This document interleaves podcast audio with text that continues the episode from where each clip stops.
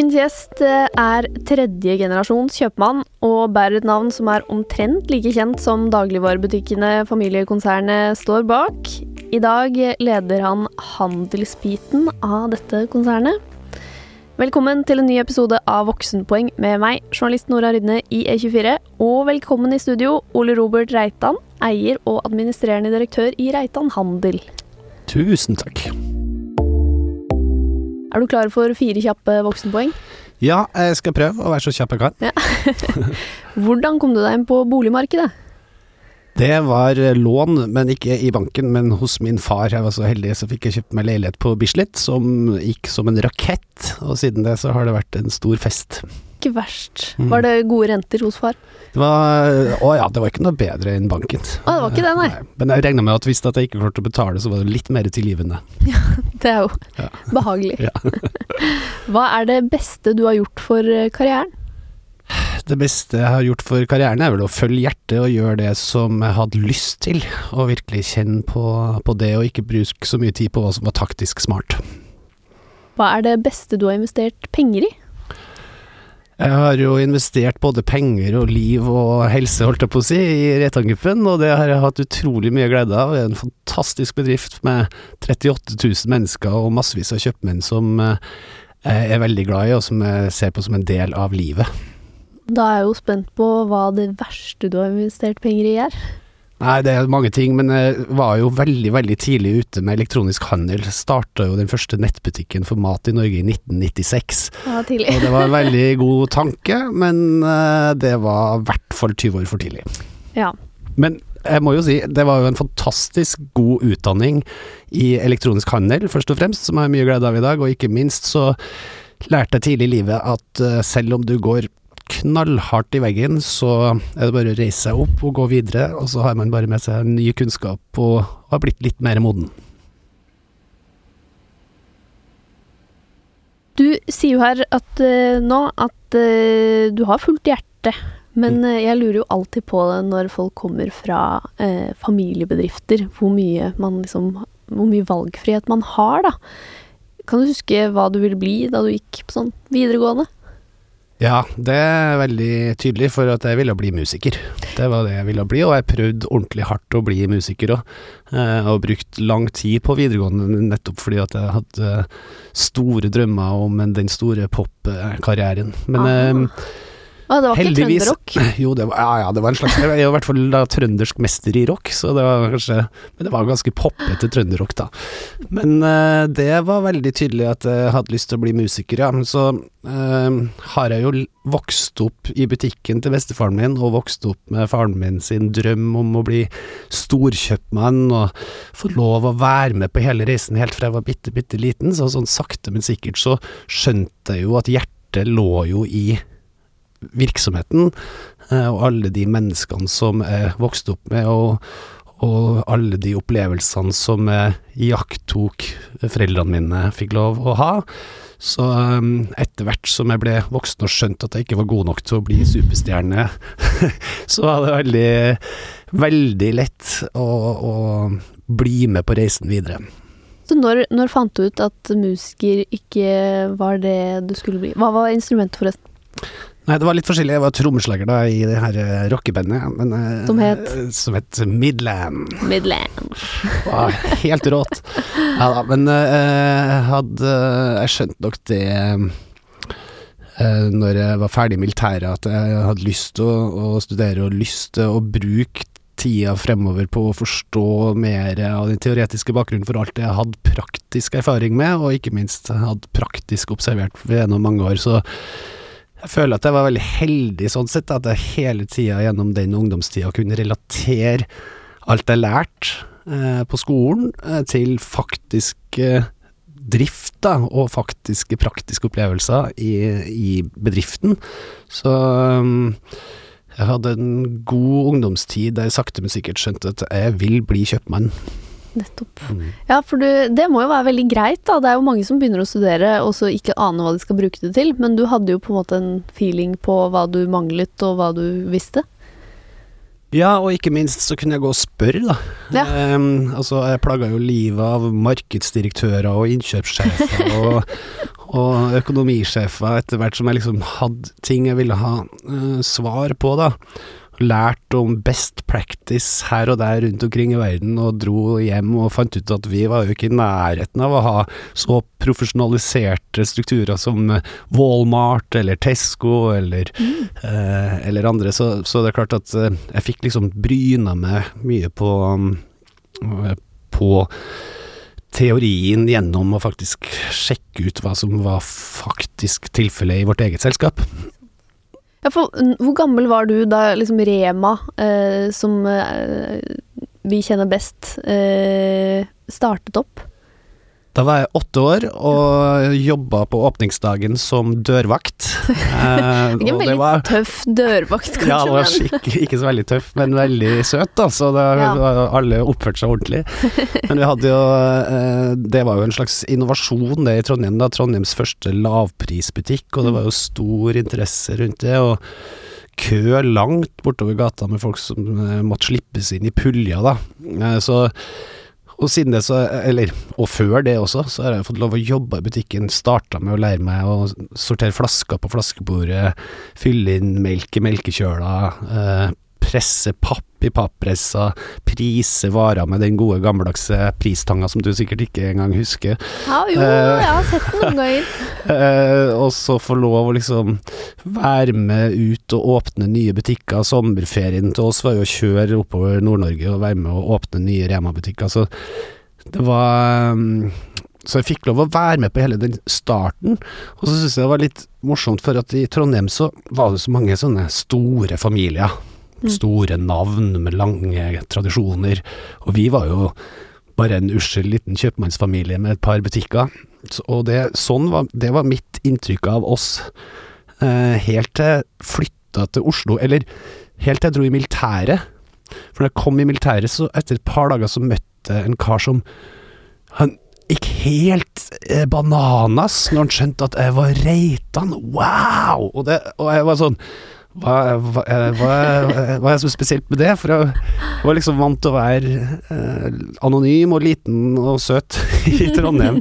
Eh, så det var først når jeg var 20 at jeg skjønte at vi var i ferd med å bygge en bedrift som hadde litt eh, størrelse, og som folk visste om. Ja, Så det tok litt eh, såpass tid før det liksom satte seg skikkelig med Rema-Reitan? Ja, eh, det gjorde det. Det ble Ja, det var nok eh, sånn fra slutt slutten av 80-tallet og inn på 90-tallet at det ble mye mer oppmerksomhet rundt dagligvarebransjen. Det var jo en bransje med tusen små selvstendige kjøpmenn som plutselig var blitt til Stein Erik Hagen og Odd Reitan, liksom. Mm. Eh, som ble litt sånn eh, tabloid og, og, og, spennende. Eh, så ja, det var først på begynnelsen av 90-tallet. Da var jeg allerede rukket å blitt 20, eh, så så jeg fikk lov å vokse opp i fred og ro i, i, i litt sånn naiv forestilling av at vi var små og, og, og um, hardt arbeidende. Ja, mm. Hardtarbeidende var dere vel likevel? jo da, det var vi helt uh, klart. Det, men det er veldig godt å få lov å ha vært med på hele reisen. Mm. Uh, selv om jeg ikke har hatt ansvaret hele veien, åpenbart, så har jeg i hvert fall fått lov å kjent på at uh, ingenting Det er ikke noe som kommer av seg sjøl, som sier Trøndelag. Uh, og det er en god barnelære. Husker du fortsatt noen sånne PLU-koder? Nei, vet du, for at når jeg jobba mest i butikk og satt i kassen, så var det ikke kommet noen PLU-koder ennå, for butikkdataen kom ah. faktisk først etter at jeg var blitt nesten voksen og begynte å jobbe med andre ting. Men jeg husker en god del priser fra liksom uh, midten av 80-tallet i hodet, for at det, da satt du faktisk og knasta inn alle prisene på kassaapparatet. Uh, så uh, alt av melk og brus og alle sånne ting som det gikk mye av, de hadde, hadde sikkert 250-300 priser i hodet, vil jeg tro. Ja, så hadde det vært PLU-koder, så hadde du husket oh, yes, altså, kunne det. Etter en jul på, i kassa på Meny, så kommer jeg aldri til å glemme koden for Clementin. Nettopp. 5555. Mm. Men eh, ok, så du begynte Du valgte studie Da ble det markedsføring, ikke sant? Ja, jeg gikk på NMH, og det eh, er jeg veldig glad for, for at jeg, jeg har aldri vært Jeg har en bror som er ekstremt faglig sterk og, og grundig, og, og har på en måte den analytiske Prøver du å si nerd? Uh, Ja, litt nerd. uh, en veldig, veldig sjarmerende nerd, da. Ja. Uh, og så har jeg alltid vært litt for utålmodig til å på en måte uh, Til å sette meg ned og analysere så grundig, og, og ikke minst har jeg aldri vært sånn så tallinteressert som som det han har vært, så jeg var, liksom, jeg var ikke noe sånn super eh, noen gang, men jeg hadde fantastisk glede av å studere, for det var først da jeg egentlig syntes det var gøy å gå på skolen. Og litt tilbake til der vi starta med å, å dra linken tilbake til det praktiske livet i, i Rema 1000, så fikk jeg voldsomt utbytte av det, og plutselig så gjorde jeg det veldig, veldig bra på skolen også.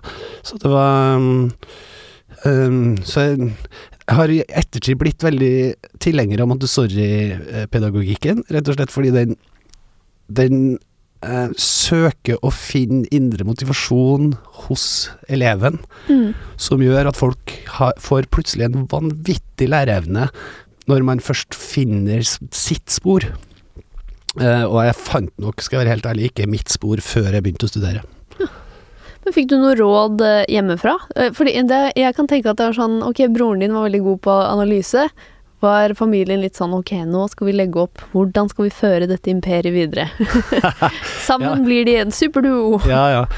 Nei, altså mm, Nei, jeg, vet du, det var ikke noe veldig strategisk eh, eh, fremgangsmåte fra foreldrene våre sin side. Sånn sett var mer det at dere må gjøre det dere har lyst til i livet, og gjøre det dere brenner for. Følg hjertet.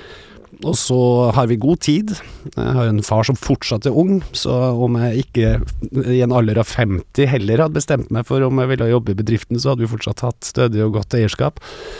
Så det var ikke noe stress, eh, og vi fikk lov å gjøre det vi ville, og vi har fått selvfølgelig en del muligheter, men vi har først og fremst tatt eh, de mulighetene eh, vi har fått, og, og brent for det, og heldigvis har det gått veldig bra. Så var du da altså Hvor gammel var du da du var ferdig på studiene? 25. da var gikk jo rett i gang da med Rema hjem til deg. Det var jo jeg og en til som hadde abonnement i EU-nett, eh, tror jeg den gangen, og det mente jeg måtte jo være grunnlag for, for å lage en nettbutikk. Uh, så det var jo klart, det var altfor tidlig. Det fantes ikke noe gode, fantes ikke noe gode um, systemer for å lage god nettbutikk heller, i hvert fall ikke som var uh, robuste nok til å håndtere en dagligvarebutikk. Uh, og ikke fantes det noen kunder, og, ikke, og folk satt jo hjemme med 14.4-modem, og det var liksom Det var rett og slett for tidlig. Og jeg var for ung. Eh, og eh, prosjektet ble ikke godt nok styrt, og i det hele tatt. Eh, Så det var den Så- første liksom, voksenjobben, altså første fulltidsjobben etter studiene? ja. eh, Og det var ja, å prøve å utvikle en nettbutikk? ja. Så hva, liksom, hva het stillingen din eh, på det tidspunktet? Nei, da var jeg jo nesten eh, som gründer å regne, vil jeg si da. Uh, uh, og det var jo Altså, det var opp som en bjørn og ned som en skinnfell på mange måter. Vi var jo Hadde jo distribusjon i Trondheim, Oslo, Bergen, Stavanger. 130 ansatte, eh, og pengene rant ut. Eh, og vi hadde jo ikke noe tradisjon for å drive og tape penger. Min bestefar hadde liksom Sitt motto var å bygge sten på sten og sette tæring etter næring, og Mm. uh, vi var liksom ikke vi, snak, vi hadde ikke et ord som het burn rate i vår uh, terminologi i Rettangruppen. Men det hadde du lært på Hva? skolen. Ja, lærte på Nei, det hadde ikke noe mål om å ta penger, egentlig. Men you gotta spend Så- money to make money. Uff a meg. Ja, nei, det, vi har fortsatt problemer med det i, i vårt system. Men hvordan var det å være så ung og ha liksom skikkelig pågangsmot og prøve noe nytt, og så gikk det til helvete? Ja, Nei, det var vondt, altså. Det må jeg si. Um, jeg ble faktisk fysisk syk av det.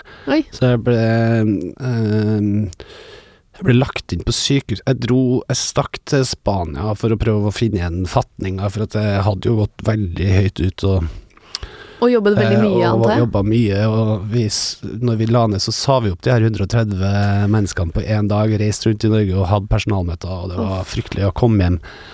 Gikk på byen sammen med min eh, partner, satte oss på Lorry og hadde en skikkelig rotbløyte, og må, våkna morgenen etterpå til hele forsida på Dagens Næringsliv med kjempefiasko for Reitan junior Au!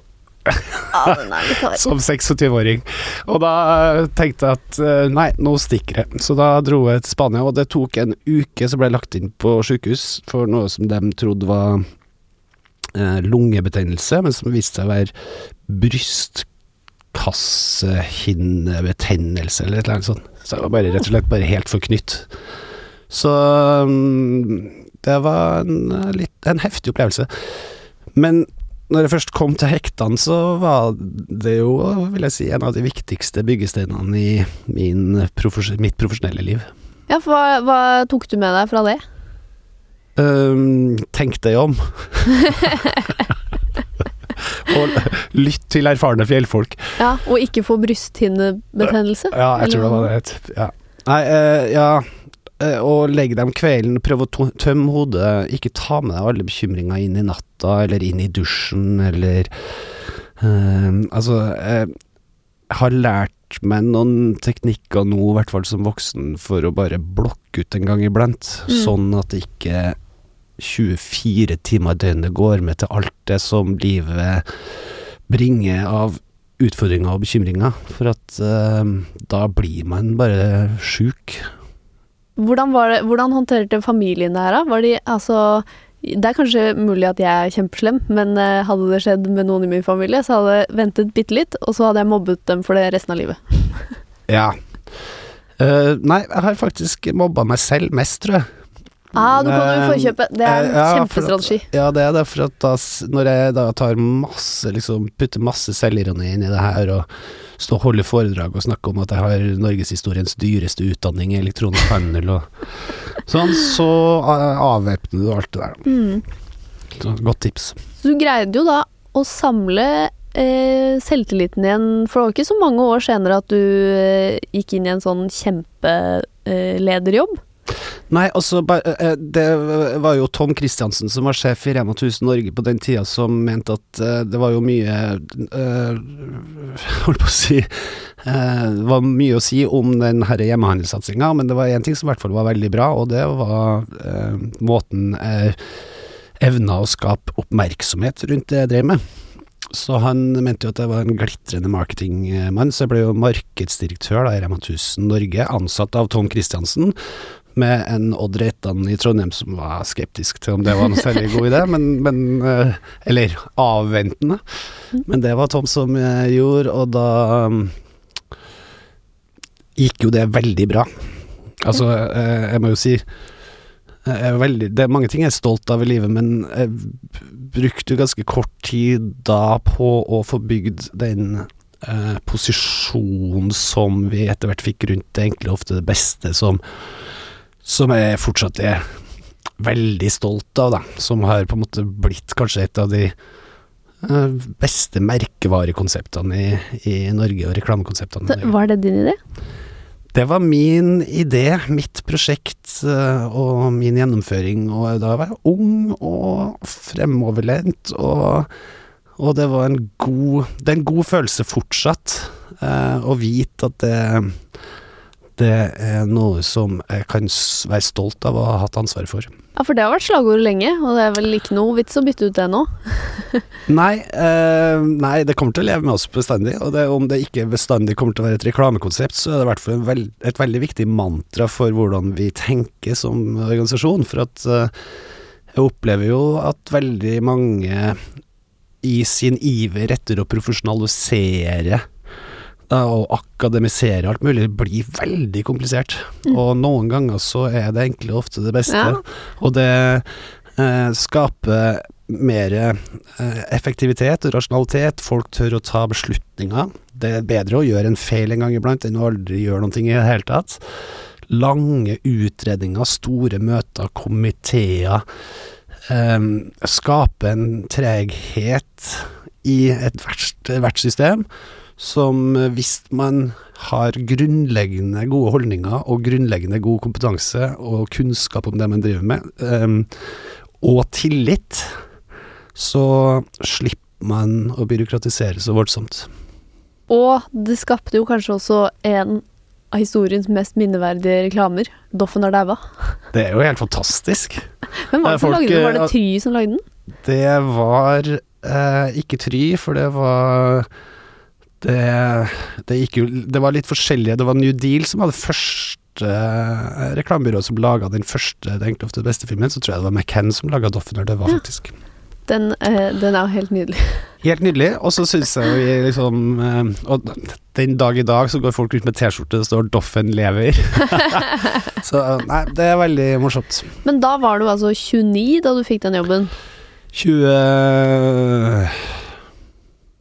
27 27, ja. Såpass. Det var rett. 27, det var liksom ja, var rett etter etterpå. Og så når jeg ble eh, Før jeg var 30, så rakk jeg jo da å bli administrerende i det som ble Reitan Narvesen, eller Reitan Handel da, Ja. den gangen. Mm. Og da ble du sjef for Jeg tror det var 16 000 ansatte da Når jeg da eh, vi gikk ut da og fortalte at jeg var, da jeg skulle bli administrerende. Og var, da var jeg akkurat 30, eller var i ferd med å bli akkurat 30, så det var jo ti år for tidlig. Eh, men det gikk jo bra, det også.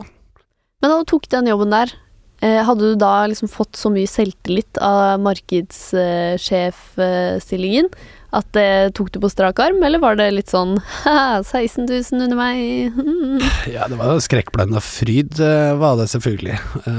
Men veldig god støtte selvfølgelig fra alle rundt meg. Både ledere i systemet med lang fartstid og en, et bankende hjerte for selskapet som ønska meg vel. Eh, en eh, veldig eh, stødig og god venn og støttespiller og kollega i min bror, og ikke minst i min far som alltid har ønska det beste for oss, og alltid blanda seg og ment og, og diskutert og sparra og eh, Så det har vært eh, på ingen måte gjort det alene, men jeg har eh, hatt fryktelig god hjelp i, uh, og støtte, og så har det gått bra. Men det er jo ikke å anbefale uh, i det hele tatt. Altså, man eh, må ta seg tid til å i hvert fall bli tørr bak ørene før, og, og, og, og ta de naturlige trinnene, da. Ja, så Eh, ville du gjort det Altså, jeg vet ikke om dine barn skal inn i eh, konsernet også, men er det noe du ville anbefalt dem? Og liksom ikke dytte dem ut på the deep end med en gang, sånn som Jo, men det er jo noe med at hvis man kaster folk ut eh, på vannet, så får de lære seg å svømme. Det er jo noe i det også, selvfølgelig, så man skal alltid ta på seg litt mer ansvar enn det man er helt sikker på at man fikser. Eh, Men det er jo forskjell på det og å gå all in på mange måter, da. Men sånn fake it till you make it tror jeg er ganske bra slagord. Det syns jeg alle unge skal gjøre. Altså ta en utfordring som er litt større enn det du er komfortabel med hele tida, men ikke ta for store skritt.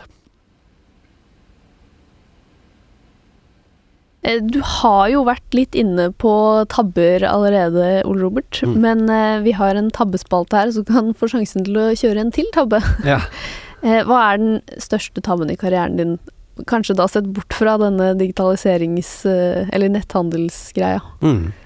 Nei, eh, da ble jeg nødt til å ta frem eh, 2016-2017 og den måten vi gikk frem i forhandlingene med leverandørene våre på, og, og måten den, det ble oppfatta på som åpenbart i ettertid var en fryktelig klønete kommunikasjonsjobb. For i Norge i dag så er det altfor store forskjeller i innkjøpsbetingelser mellom aktørene, og vi har dårligere innkjøpsbetingelser enn eh, en av våre konkurrenter, og har nødt til å prøve å fikse det på en eller annen måte. Ehm, og det prøvde vi da å fikse i 2016-2017 gjennom å eh, gi noen leverandører mulighet til større volum på bekostning av andre. Rett og slett for å gjennom det eh, skaffe oss betingelser som gjorde at vi kunne bli mer konkurransedyktige. Måten det endte opp i media på, med godt hjulpet av det huset her, må jeg si, og Marita Valvik i Aftenposten. Uten at hun skal få noe skyld for det. Jeg jobber Så- ikke her, så Så, så festa det her bestevennbegrepet seg, og Ja. det må jeg ta ansvar for selv, for det er bare elendig kommunikasjonsarbeid. Eh, og For det var dere som kalte det bestevennen, var det ikke Ja, i et lukka møte. Og det lagt? Eh, og som eh, Marita var på. Aha. Og dermed så tok det litt fyr. Og jeg må jo si i ettertid at det er mye av det jeg ikke skjønner noen ting av. Altså, NRK i Trondheim arrangert fakkeltog for Urge. Fordi Urge ikke lenger var å finne på Rema 1000, så skulle NRK, Norsk Rikskringkasting, eh, lage for, eh, fakkeltog eh, for Coca-Cola mot Trøndelags eh, største kjøpmann. Um, og det for meg er helt totalt ulogisk akkurat det, men, og mange ting å si om den saken, mener jeg da. Men uh, først og fremst bare min skyld og elendig håndverk. Så det må jeg jo innrømme var en uh, Og det har vi jo uh, jobba med å rydde opp i. Um, og så i, vi har jo i Tromsø Det er folk i Tromsø som tror at det ikke er makkøl på Rema 1000. Det har alltid vært makkøl på Rema 1000, også i hele denne fasen. Men når du først får liksom den stormen eh, så, mot deg, så er det veldig vanskelig å forsvare seg, og, og, og spesielt siden du først og fremst har skylda sjøl. Ja, for hvilke stillinger satt du i da? Eh, Da var du sjef for Reitan Handel. Ja, som, for Rema 1000. For Rema Mm, 1000, ja. Ja, og så var det etter det at Trond Bentestuen tok over? Nei, Ja, han kom eh, ja, en stund etter det. Mm. Ja.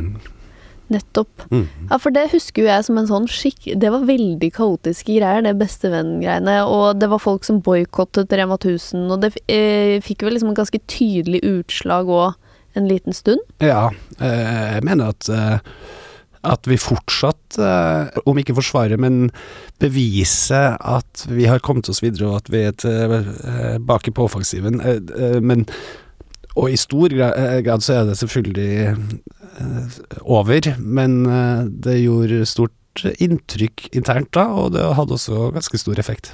Hvordan var det å stå i den stormen der? For det ble jo eh, Dere var jo taperne eh, i den eh, stormen. Åpenbart. Ja, og det har jeg lært, som er viktig tips. Det hjelper ikke å ha rett hvis du ikke får rett. Og det eh, høres ut som en floskel, men det er søren meg bra sant, altså. Eh, så nei, jeg lærte eh, mange ting, blant annet det. Og så lærte jeg at eh, vi får konsentrere oss om å drive butikk. Eh, Og så får andre drive med politikk. Eh, og vi må i hvert fall ikke drive politikk eh, der vi eh, Der vi ikke skal gjøre det. Vi må, eh, vi må først og fremst konsentrere oss om oss sjøl og drive butikken vår.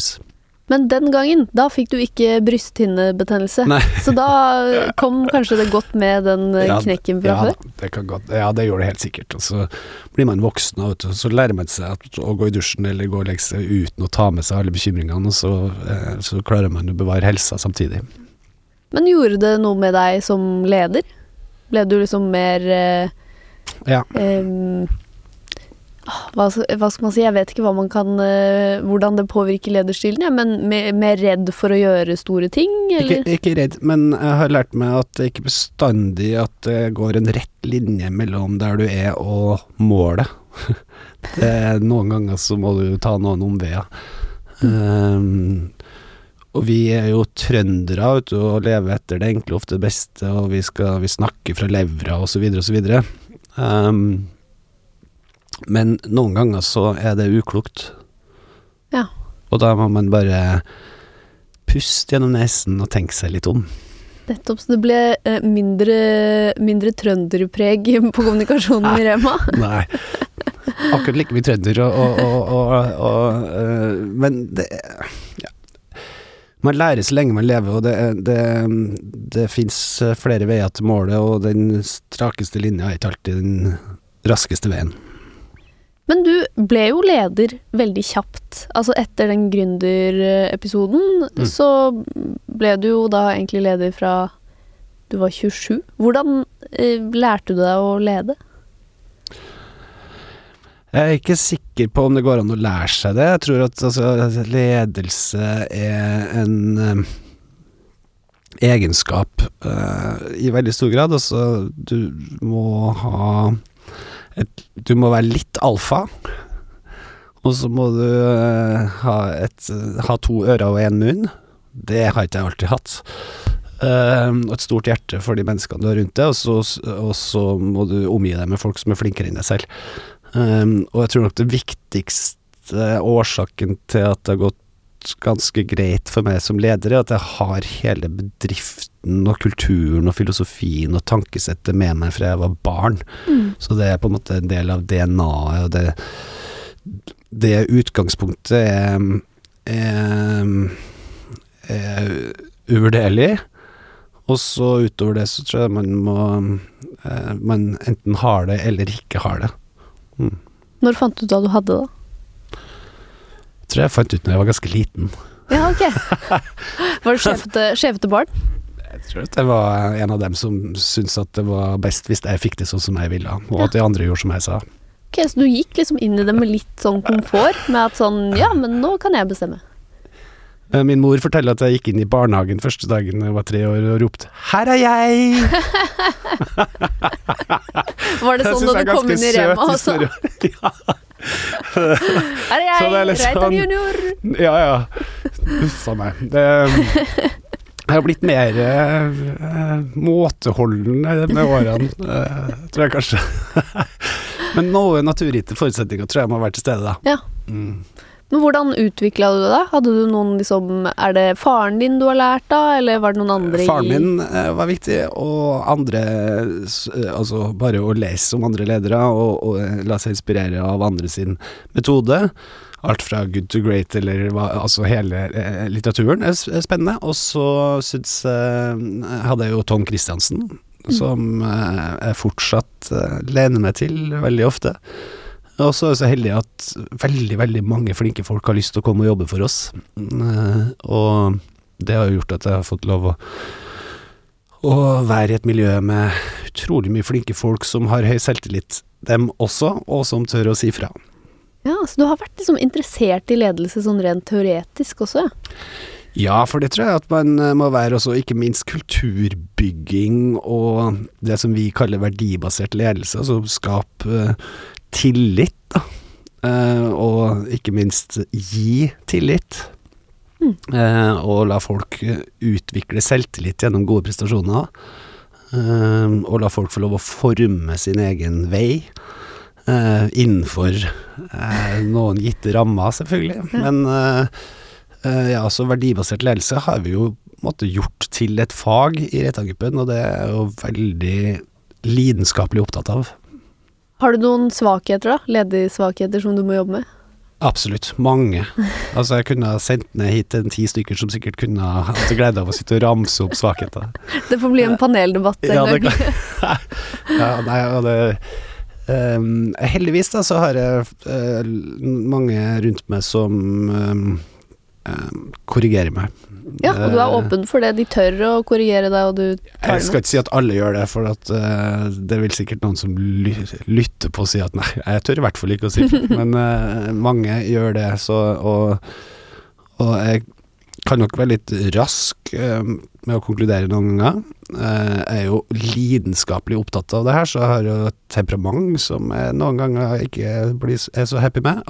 og ehm, ja, jeg tror hvis, det, hvis jeg skal velge to, så tror jeg det er kanskje de to som jeg har mest forbedringspotensial på. Hvordan jobber du med det, da? Å prøve å bli bedre der? Eh, Jeg blir jo eldre, Ja. og det tror jeg kanskje er det beste medisinen. Eh, eh, så jeg tror nok at kanskje jeg har blitt bedre, men fortsatt Hvis jeg syns Jeg jeg blir ikke noe eh, Jeg jeg blir ikke opprørt av at folk gjør eh, feil, men hvis folk har dårlig vilje, altså eller ikke vil uh, Eller vil noe annet enn det vi åpenbart uh, som selskap uh, ønsker, så, så uh, syns jeg det blir slitsomt. Da må du gå og telle til ti. Ja, ja jeg, nå- eh, kanskje jeg er blitt litt flinkere til å telle til ti. Du har jo på en måte allerede satt et preg på familiekonsernet, men eh, hva tror du Hva håper du at sitter igjen av liksom ditt lederskap eh, når du er eh, ferdig? Det er jo en stund til, da. Jeg håper at det er en stund til. Jeg håper jo at vi fortsetter å vokse, sånn at vi er større enn i dag. Jeg håper at vi strukturerer opp et selskap som både er diversifisert og solid og grundig og um, og som måtte tåle tidens tann, og som er skodd for evighetens perspektiv. Det er jo viktig. Um, um, ja. Og så er jeg veldig opptatt av at vi skal være et selskap som oppfører oss ordentlig. Uh, vi driver med mat. Eh, og matdistribusjon, eller matproduksjon, matdistribusjon, matforbruk, matavfall. Det er jo de store temaene eh, i en verden der vi har større utfordringer enn vi vel kanskje noen gang har hatt i menneskehets historie, eh, med et klima som vi ikke har helt kontroll på. Så hvis vi kan være med å bidra til gode løsninger både for Eh, kloden og for kroppen, eh, så mener jeg at det er noe av det viktigste vi kan bidra med. Så håper det er det som står igjen. Kommer det larver og sånn hos Reba? Er det, eh, skal hvem, vi så langt? Eller? Hvem vet? Altså nå skal vi jo samarbeide med Gunhild Stordalen igjen, og hun har jo eh, voldsomme ideer om hvordan matverdikjeden skal, skal, revolusjoneres. Det er ganske spennende å se nå faktisk hvordan næringslivet nærmest tar over kommandoen på miljøpolitikken, og, eller, og, eller bærekraft, alle bærekraftstiltakene som ligger i næringslivet globalt er jo heftigere enn det politikere klarer å vedta med lover og regler i, i, i nasjonalforsamlinga. Så vi ligger foran EU og Norge uh, i alle våre ambisjoner innenfor bærekraft og innenfor helse. Uh, og det skyldes jo mye indre kraft. Vi gjør det fordi vi har lyst, men det skyldes jo også at kapitalmarkedet Eh, krever, og forbrukerne krever, at vi tar ansvar. Og så er det det som jeg syns er aller morsomst med det, at nesten hver eneste gang vi tar tak i et nytt forbedringspotensial, enten på sunnhet, eh, helse eller på klima og miljø, så når vi kommer ut i andre enden, så har vi fått et bedre produkt eh, som er betydelig bedre for, for, kloden og kroppen, men som også har lavere kostnad og høyere kvalitet. Så det er vinn-vinn på alle områder. Som f.eks. på den kyllingrasen som vi har eh, bytta ut med i Trøndelag, som er den dyrere bestemor, det er dyrere foreldre, det er dyrere egg, det er dyrere rugeprosess, det dyret står, eh, kyllingen står lengre på eh, Lever lengre og spiser mer, så alt er dyrere. Alle innsatsfaktorene er dyrere. Men produktet blir billigere, og mye bedre, fordi svinnet er borte Dødeligheten er borte. Ikke dør dem, ikke er de syke, du har høyere klekkeprosent. Absolutt alle andre indikatorer blir bedre. Så i sum så har du bare gjort noe, et skikkelig stykke arbeid som førte til at du både fikk bedre kvalitet og lavere pris. Og du kan gå og legge deg med god samvittighet. Og det her er bare et sånt eksempel. Sånn er det på nesten alle ting. At grønn økonomi er faktisk god økonomi. Eh, og det har næringslivet skjønt. Hva med børsnotering, da? Er det også en ting du kommer til å bli huska for? At det var du som tok eh, regnskap på børs? Eh, nei, nå skal jeg ikke gjøre det alene. eh, eh, det, det, er vi sammen om i tilfelle. Eh, Odd og Magnus og meg og hele selskapet. Mm. Og så får vi jo se, da. Vi har jo bare sagt at det kan tenkes at vi um, finner det formålstjenlig på et eller annet tidspunkt. og det driver vi og utforsker. Mm. Jeg tror ikke at det er eh, jeg tror ikke at det er en dårlig idé. Jeg tror det er en ganske god idé. Både for selskapet og for oss som familie. Uh, men så er det jo mange uh, sider av den saken som vi får vurdere før vi konkluderer. Ja, for da kommer det jo på en måte Da blir man jo mer en slave for aksjonærene, da. Uh, har du tenkt på Tror du det bærekraftsperspektivet og at man vil investere mye i det, eh, kommer til å bli vanskeligere hvis man er på børs, eller tvert imot? Tvert imot. Eh, Jeg tror eh, med det norske oljefondet i spissen, så har jo kapitalmarkedet forandra seg mye. Altså eh, alle de etiske retningslinjene som ligger til grunn for de investeringsbeslutningene som de store fondene tar, påvirker også alle andre beslutningstagere eh, i, i, kapitalmarkedet. Um, og det er jo den trenden vi ser. Altså om det eh, nå er da oljefondet, eller om det er Blackstone, eller hva det nå skal være av enorme fond, så begynner det å bli så mange kjøreregler der. Eh, fordi alle ønsker å være med og bidra.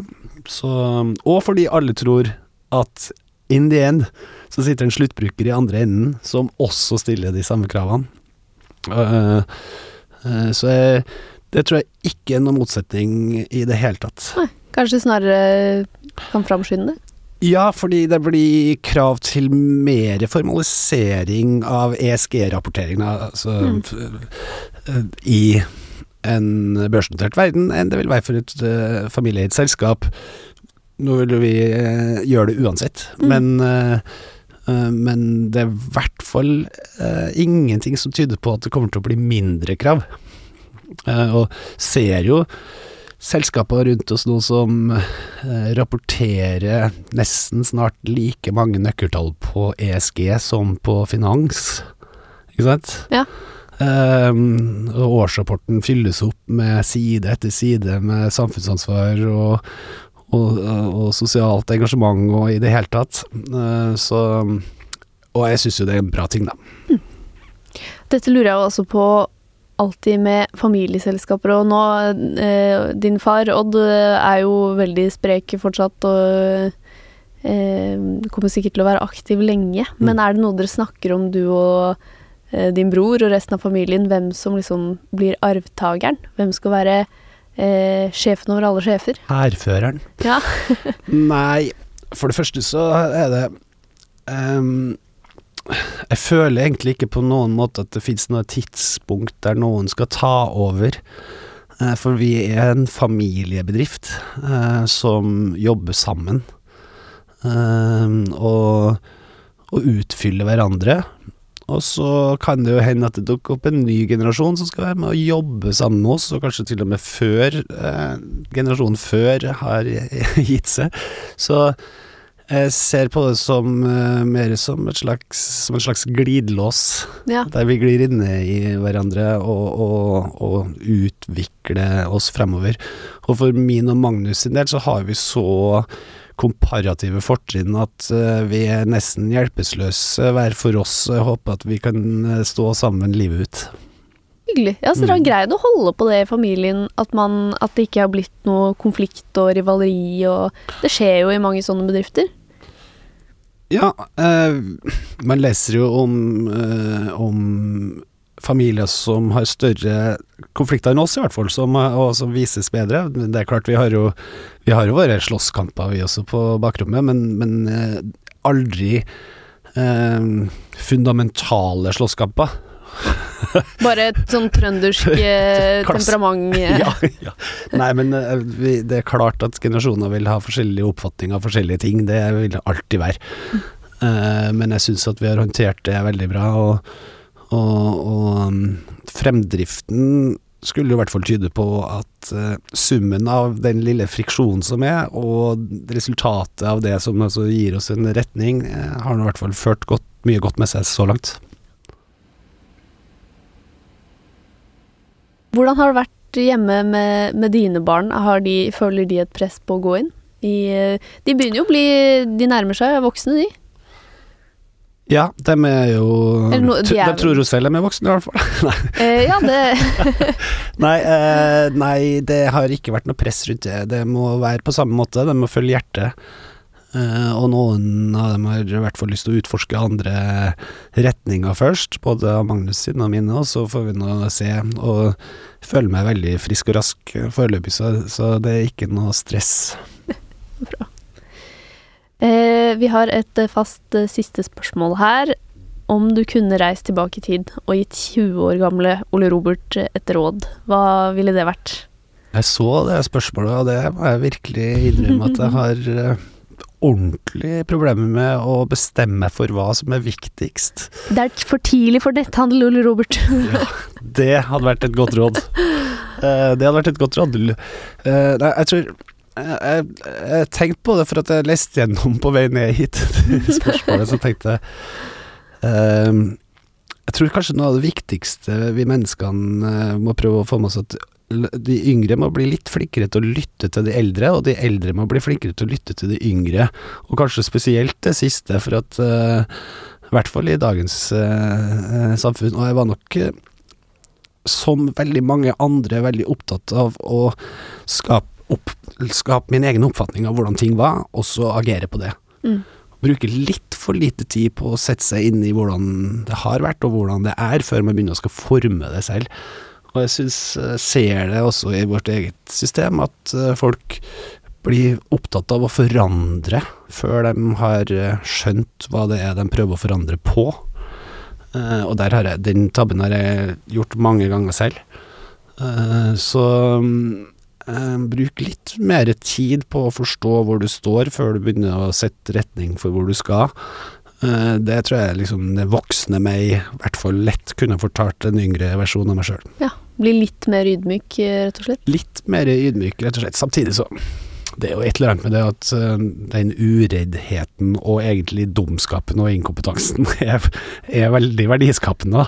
For at da løper man i hvert fall eh, eh, hemningsløst i en retning, og noen ganger så lykkes man med det.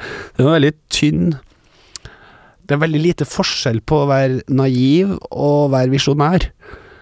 Det er en hårfin eh, forskjell der. Og det vet man som regel ikke selv. Man vet ikke selv, men altså, det å være visjonær, sånn som jeg har lest definisjonen på det å være visjonær, så er det jo tro på det umulige. Ja. Og, og definisjonen på naiv er jo også tro på det umulige. Det var vanskelig, den der. Ja, det er det. Så, så um, vi får satse på ungdommen. Den naive ungdommen. Mhm. Eller visjonære Og håpe at de blir visjonære isteden. Ja. Tusen takk eh, for at du kom hit i dag, Ole Robert eh, Reitan. Veldig hyggelig å være her. Produsent i dag, det var Sunniva Glessing. Og hvis du vil f.eks. lese skoledagboka til Ole Robert, så må du gå og følge oss på Instagram. Der heter vi Voksenpoeng med Nora.